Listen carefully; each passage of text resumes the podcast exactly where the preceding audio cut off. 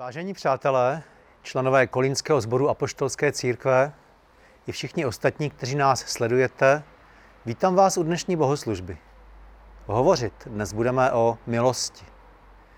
Jedním z pravidelně diskutovaných témat eh, politické scény je otázka takzvané prezidentské milosti, která je projevována lidem odsouzeným za nějaký zločin. Jde o pozůstatek výsady, která náležela monarchickým panovníkům a kterou v současnosti užívá řada demokratických států. Institut milosti, včetně amnestie, která do tohoto rámce rovněž patří, je opravdu velmi starý. Nejstarší dochované záznamy o nich pochází ze starověkého Egypta. A to zhruba z roku nebo z let 3000 let před Kristem. Rovněž ve starověkém Římě císaři udělovali milost gladiátorům na přání davu. A konečně i Pilát Ponský, jak za chvíli uvidíme, nechává lid rozhodnout o tom, zda udělí milost proroku Ježíši z Nazareta, anebo Ježíši zvanému Barabáš.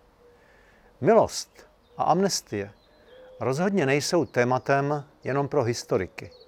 Budí vášně mezi politiky, u veřejnosti i v odborných kruzích prakticky kdykoliv jsou použity.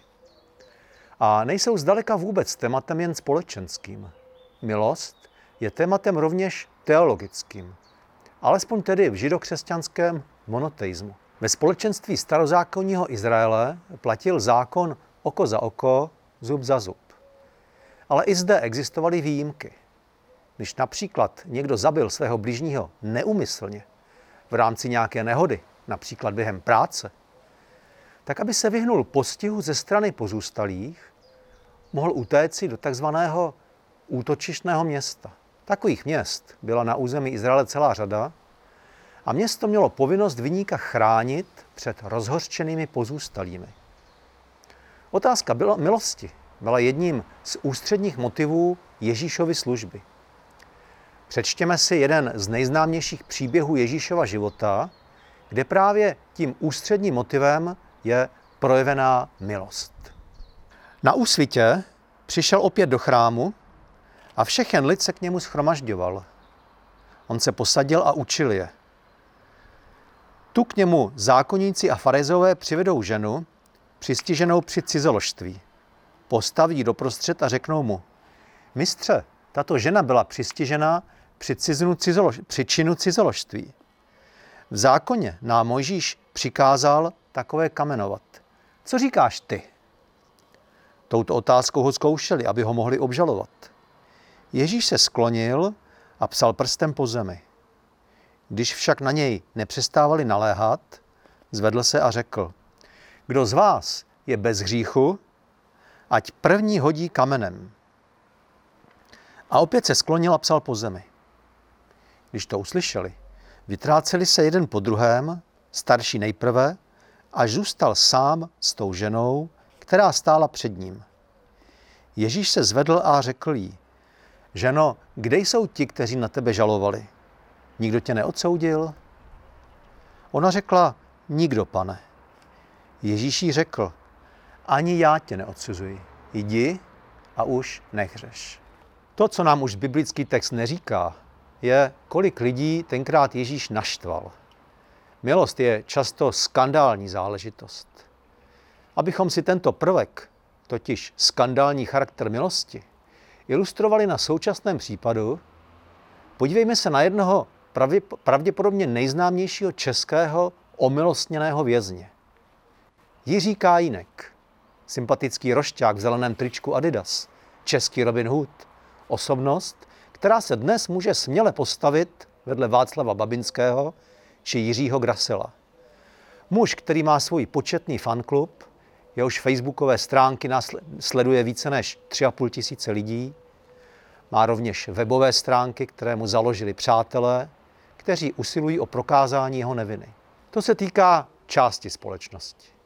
Jiná část je naopak k jeho nevině skeptická. Jiří Kájinek je pro ně stále dvojnásobný vrah. Prezidentská milost nesmazela jeho vinu, či domělou vinu, pouze ji nepočítá. Kájinek může žít jako svobodný člověk.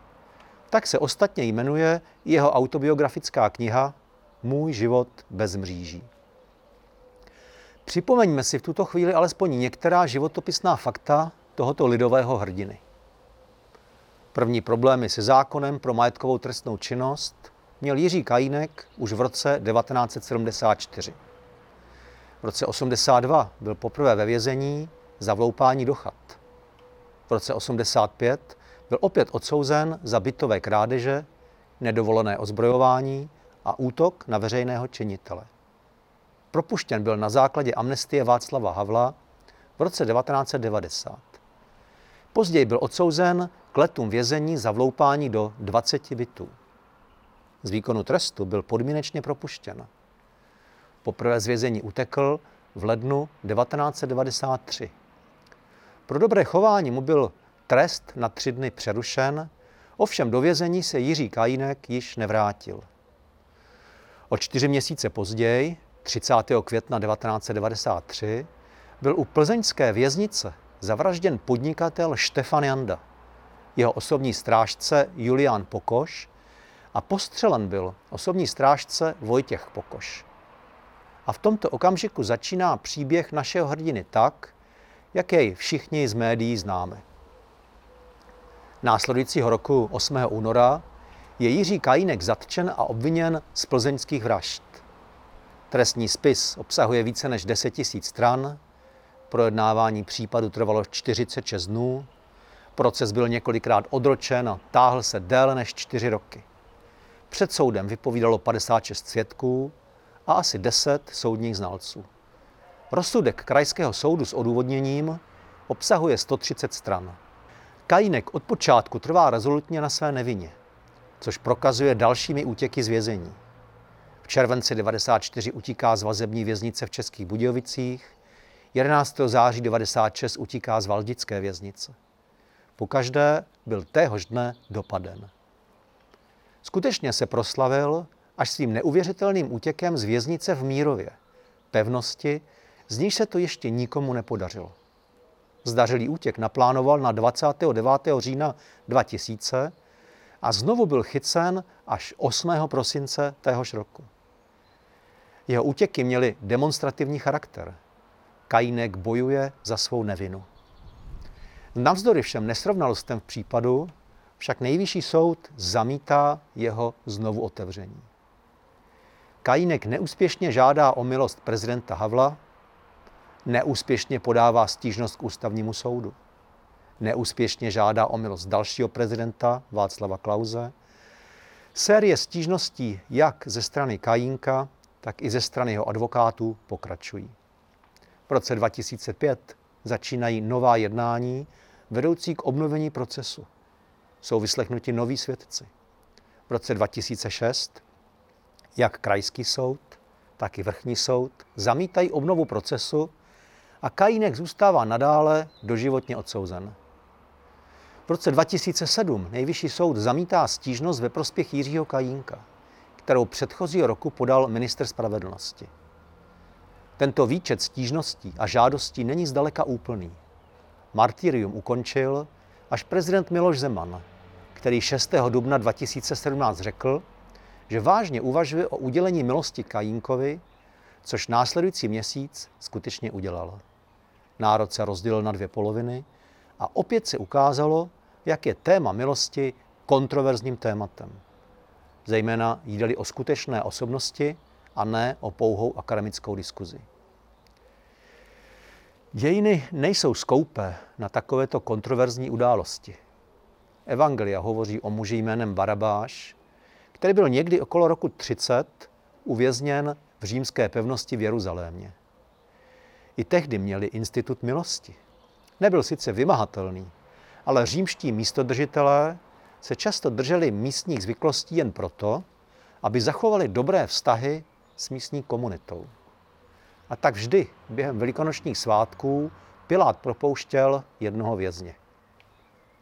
Pikantní bylo, že v tu chvíli byli dva takoví vězni, kteří by přicházeli v úvahu. Jedním z nich byl zmíněný Barabáš a druhým byl Ježíš. Ironí osudu si Dav prosadil toho prvního. S jistou mírou pravděpodobnosti můžeme předpokládat, že ti dva se během věznění v celé setkali, že spolu mluvili, že Barabáš poměřoval své vyhlídky a pravděpodobnost propuštění vzhledem ke svému konkurentovi, kterým byl nevinný prorok, zatímco jemu byla prokázána vražda. Nicméně události se vyvíjely v rozporu s očekáváním. V zámku celý zarachotil klíč, stoupla stráž a vzbouřenec zaslechl své jméno. Nemohl uvěřit vlastním uším. Tak někdy funguje milost. Je často skandální, nelogická, neočekávatelná a rozděluje lidi na dva tábory. Ti, kteří měli na krku těžké zločiny, odchází svobodní. V tuto chvíli se přímo nabízí palčivá otázka. Byl Kajinek skutečně nevinen? Osobně musím říct, že nevím. Na jednu stranu soudy všech instancí opakovaně rozhodovaly v jeho neprospěch. A jen těžko lze předpokládat korupci či jiné pochybení v takovém rozsahu. Na druhou stranu, obvinění má opravdu řadu závažných trhlin a vážných důkazních i procesních nedostatků. I mnozí z těch, kteří pečlivě jeho případ zkoumali, například různí nezávislí novináři, si zdaleka nejsou jisti. Po případě stojí na jeho straně. V jistém smyslu však na tom nesejde. Ta slova v jistém smyslu chci zdůraznit. Protože pokud je pan Kájinek opravdu nevinen, pak jeho ustavičná snaha o očištění svého jména má své opodstatnění. Ale v tomto jistém smyslu, kdy mezi odsouzence a trestní právo vstupuje milost, je jedno, kolik jsme toho udělali. Dostali jsme milost a můžeme z vězení ven. Začíná nový život. V úvodu jsme si řekli, že milost je i teologickým tématem. Hojně užíval apoštol Pavel, jeden z prvních velkých propagátorů křesťanství. V jeho listu do Říma čteme tato slova. Všichni zhřešili a jsou daleko od slávy Boží. Není totiž rozdíl. Všichni jsou ospravedlňováni zadarmo jeho milostí, vykoupením v Kristu Ježíši. I Pán Bůh má svůj trestní řád. Slovo hřích je biblickým ekvivalentem právního termínu trestná činnost. Náš trestní řád odsoudí člověka za vloupání do bytu a chat, případně za vraždu a za desítky a stovky dalších věcí. Boží trestní řád je ve své stručné formě vyjádřen takzvaným desaterem. Nebudeš mít jiného boha kromě hospodina, neuděláš si jeho sochu ani jiné spodobení, nezneužiješ jméno svého boha, pamatuj na den odpočinku, cti svého otce a svou matku, nezabiješ, nesesmilníš, nepokradeš, nevydáš proti svému bližnímu křivého svědectví, nebudeš dychtit po věcech svého bližního. Deset stručných formulací, které se staly základem západní morálky a etiky.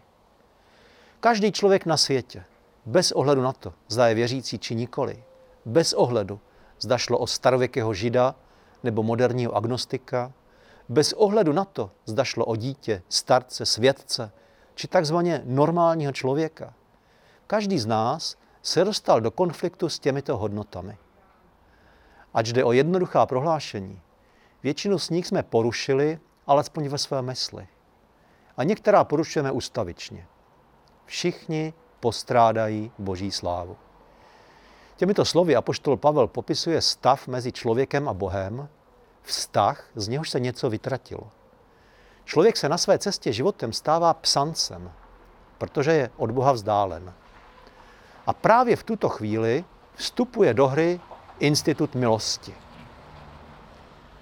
Stejně jako místo nevinného Ježíše byl propuštěn Barabáš, tak stejně i Lotr, který byl ukřižován po Ježíšově pravici a na poslední chvíli si to rozmyslel a litoval svých činů, dostal milost. Ještě dnes budeš se mnou v ráji, tomu Ježíš řekl. Milost je skandální. Nevyžaduje zásluhy, pouze lítost. Proto je v jistém ohledu pan Jiří Kájinek ilustrací milosti. Jen v jistém ohledu, ale k tomu se ještě dostaneme. Bible o milosti říká, že nepočítá naše viny, To neznamená, že jako lidé jsme nevinní, ale Bůh nám naše viny nepočítá.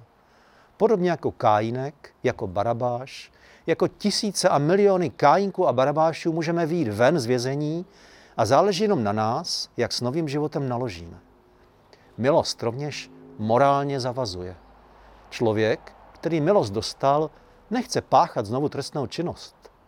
Tak i Jiří Kájinek, ač kromě sporného obvinění z dvou vražd mu byla prokázána jiná trestná činnost, dnes se od svého starého životního stylu distancuje. Ví, že by se znovu vrátil do vězení a to nechce. Není dokonalý. Například občas platí pokuty za překročení rychlosti v autě. Ale stejně tak není dokonalý nikdo z nás. Všichni, kdo jsme poznali v životě milost, se cítíme, anebo alespoň bychom se měli cítit, zavázání k životu vedoucímu k vyšší a lepší dokonalosti. Toto své kázání jsem nazval Evangelium podle Kajínka. Přestože jeho životní zkušenost vykazuje jisté paralely, na kterých můžeme pochopit některé aspekty biblického evangelia, v jiných ohledech jeho příběh jako přirovnání silně pokulhává. Kajínkovi se podařilo vybudovat celkem úspěšnou značku. Jeho příběh inicioval natočení filmu, sám napsal knihu a další knihy byly napsány o něm. Koupíte si hrníčky i trička s jeho portrétem a svého času byly k mání i bombóny Kajínek, údajně sladké jako svoboda sama. Stal se tváří několika reklamních kampaní. Po svém propuštění začal pořádat přednáškové šňůry po celé republice, samozřejmě nikoli zadarmo. Jak sám říká, živí jej jeho jméno. Tak tady máme lidového hrdinu, žijícího si v relativním přepichu, milovníka zbraní a krásných věcí, včera ještě dvojnásobného vraha a dnes celebritu. A to je přesně bod, kdy se biblická podstata milosti rozchází s reálným příběhem hrdiny v zeleném tričku. Dejme ještě jednou slovo apoštolu Pavlovi. Pavel byl čistě mimochodem také namočen v jedné vraždě. Ne jako hlavní aktér, ale jako spolupachatel. Dnes bychom jeho jednání kvalifikovali jako napomáhání k trestnému činu. Tato a další podobné události jej natolik poznamenaly, že později sám sebe nazval největším z hříšníků. Ve svém listu křesťanské obci v Galacii, kde píše hodně o milosti, zní tato slova. Jsem ukřižován spolu s Kristem. Nežijí už já, ale žije ve mně Kristus. A život, který zde nyní žijí, žijí ve víře Syna Božího, který si mne zamiloval a vydal sebe samého za mne. Prožitek milosti natolik změnil Pavlovo myšlení a jednání, že sám sebe ponížil, aby vyvýšil Krista. Nebuduje svou značku, ale celoživotní boj zasvětil tomu, aby budoval značku Ježíše Krista. Kdybych to zjednodušil, Pavel se stal pokorným člověkem. Naučil se vděčnosti a některak se nesnaží zviditelnit sebe, nýbrž toho, kdo mu dal milost. Milost v Pavlově podání má své jméno. Ježíš Kristus. Přestože je mi Jiří Kájinek v některých aspektech sympatický, bez ohledu na to, co si myslím o jeho vině, nejvíce mne oslovuje jeho nezlomný duch, jeho odhodlání bojovat za svou spravedlnost. Nepokládá zbraně po první prohrané bitvě. Když byl po prvním útěku zadržen, probudilo to v něm sílu utéct si po druhé a po třetí. A když jej zavřeli do mírovské pevnosti, byli si vědomi, že mají vězně s potenciální možností pokusů o útěk, a tak jej dali do nejvíce střežené cely, odkud se ještě nikdy nikomu nepodařilo utéct. A přesto jemu se to povedlo. Jak prozradil v jednom z rozhovorů, od první chvíle, kdy překročil práh Mírova, věděl, že jednou uteče, ale ta na svém plánu pracovala. Pomineme-li motivy, pomineme-li charakter, zůstává zde člověk, který si dokáže jít za svým. Člověk, který nestrácí hlavu ani ve chvílích, kdy jiní vězni ztráceli rozum. Má svůj cíl a jde nekompromisně za ním. Vytrvalost, cílevědomost, zarputilost, jakou překonává všechny nezdary, ochota riskovat život, aby dosáhl svého, to jsou vlastnosti, o které můžeme usilovat i jako křesťané. To, co mu ovšem přeji, je, aby pochopil hloubku skutečné milosti. Té, kterou dává Bůh, ne prezidenti. I kdyby žádnou vraždu nespáchal, stále je toho dost, proč milost potřebuje. A nejenom on, nejbrž každý z nás, jak jsme si ukázali na příkladu desatera. A tak, zcela na závěr. Hovořili jsme dnes na téma milost. A to jak ve společenském, tak i v teologickém kontextu. Viděli jsme, že milost často vyvolává rozpaky. Dělala společnost na dva tábory. A občas i někoho naštvala. Milost dostal Jiří Kájinek, stejně jako mnozí další před ním i po něm. Milost dostala cizoložná žena z úvodního příběhu o Ježíši. Nikoho nezavraždila. Udělala jenom to, co dělá mnoho lidí a co toleruje značná část soudobé společnosti. A přeci jen Ofous unikla smrti kamenováním díky Ježíšově milosti. A milost potřebuje každý z nás. Možná si řekneme, nikoho jsem nezabil. A třeba i nikdy jsem nescizoložil. Ale jak říká písmo, všichni zřešili a ztratili slávu Boží. Aby člověk obnovil svou harmonii s Bohem, potřebuje k tomu milost. A ta milost má své jméno. Ježíš Kristus.